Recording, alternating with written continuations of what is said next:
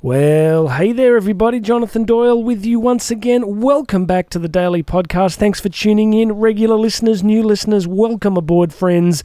A little daily dose of encouragement and positivity to set you on your way. I've been up early, done the training ride. For those remotely interested in my training processes, uh, because of lockdown, I've been on the trainer bike most of the time, the stationary trainer bike. Some of you'd be familiar with the Peloton program, but uh, I'm on Zwift using the Zwift program, and usually I'm racing and doing a bunch of stuff on there, but there's kind of this bucket list thing that you sort of some people do where you you have to ride every course in the virtual Zwift universe of which there are very very many. So the goal is to basically have ridden the entire you know virtual cycling digital world so I'm about, I reckon I'm about two thirds of the way through. Some of the final rides are like 130 kilometers each with five kilometers of vertical climbing. So it's going to be an interesting test. But uh, that's one of the things I've been doing to keep myself really engaged, keeping myself really busy. I have been trying to explain this to people that in these challenging times, uh, I know you're all going to be in a different circumstance listening in. But for those of us still dealing with lockdowns, kids at home, homeschooling, trying to run your life with all these extra pressures, you really got to be so proactive in your own mental well-being and I just build in a lot of structure. I just think structure for me over the years has been a really powerful force that's sort of kept me from imploding at various times. So don't let the day happen to you, is one of the things I always say. You want to happen to the day. So I'm pretty careful. I'm pretty proactive from the minute I get up about this, then this, then this, then this. Out of the studio today, I'm schooling to do with the kids. They're still stuck here at home under lockdown. So send up a prayer for me, friends. Uh, it's going to be interesting. Uh, doing French with my son. It's uh, it's amusing. We have a good time. We have a few laughs. Now today. We're going to talk about a quote from the inimitable Murray Rothbard. Murray Rothbard was a libertarian, a philosopher, an economist wrote a lot of very influential books. And uh, there's a beautiful line here where he says this All action is an attempt to exchange a less satisfactory state of affairs for a more satisfactory one. Listen to it again. All action is an attempt to exchange a less satisfactory state of affairs for a more satisfactory one. This is a really interesting insight. This actually goes back way before Rothbard. This goes back to when I read this, I knew where this was sort of coming from. This is from Aristotle's Aristotelian Ethics.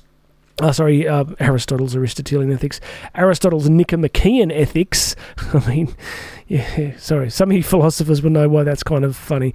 So, uh, Aristotle, of course, anything that Aristotle wrote was in fact Aristotelian. But uh, he wrote this book called the Nicomachean Ethics for his son. His son's name was Nicomachus. And so he wrote this uh, incredibly important text called the Nicomachean Ethics, what he wanted to teach his son. And years ago, I memorized the first line of chapter 8. The first line of chapter 8, uh, book 8, in the Nicomachean Ethics is All human action is action toward the good. Now, don't think of that as moral good. Think of it as perceived good. So, let me link all this together for you and show you why it's relevant to your life. Before Murray Rothbard, Aristotle realized that every action that we take in life is action toward a perceived sense of good.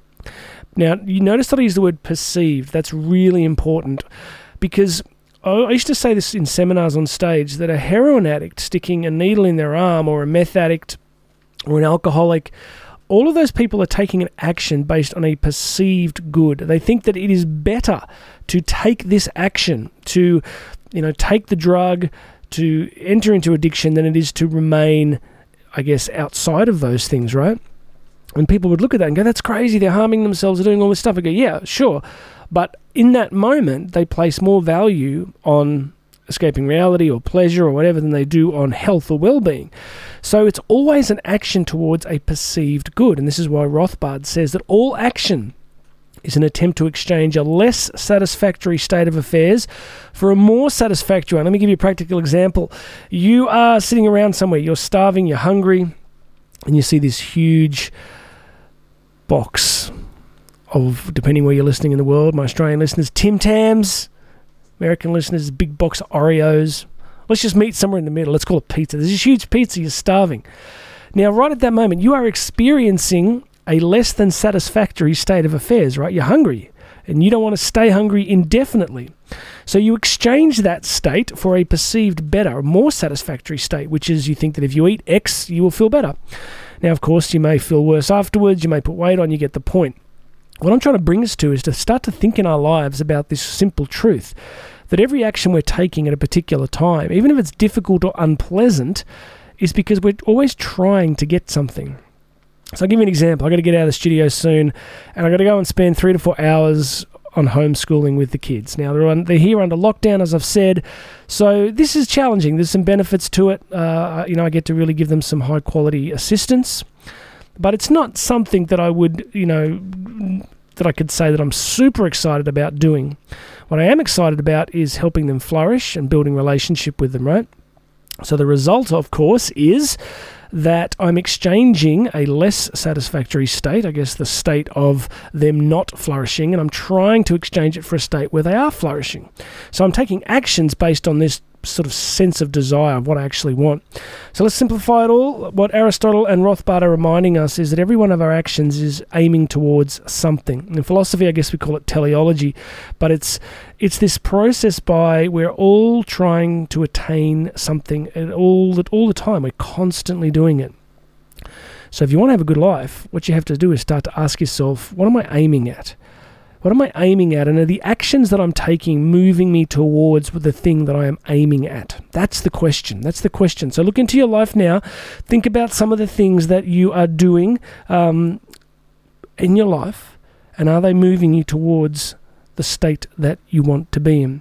Are you sort of constantly, regularly exchanging less satisfactory states for more satisfactory states? It's deep stuff, isn't it? It's important that we start to think about it. So that is it from me today. Thank you, Mr. Rothbard. Mr. Ro- Mr. Rothbard. Thank you, Aristotle.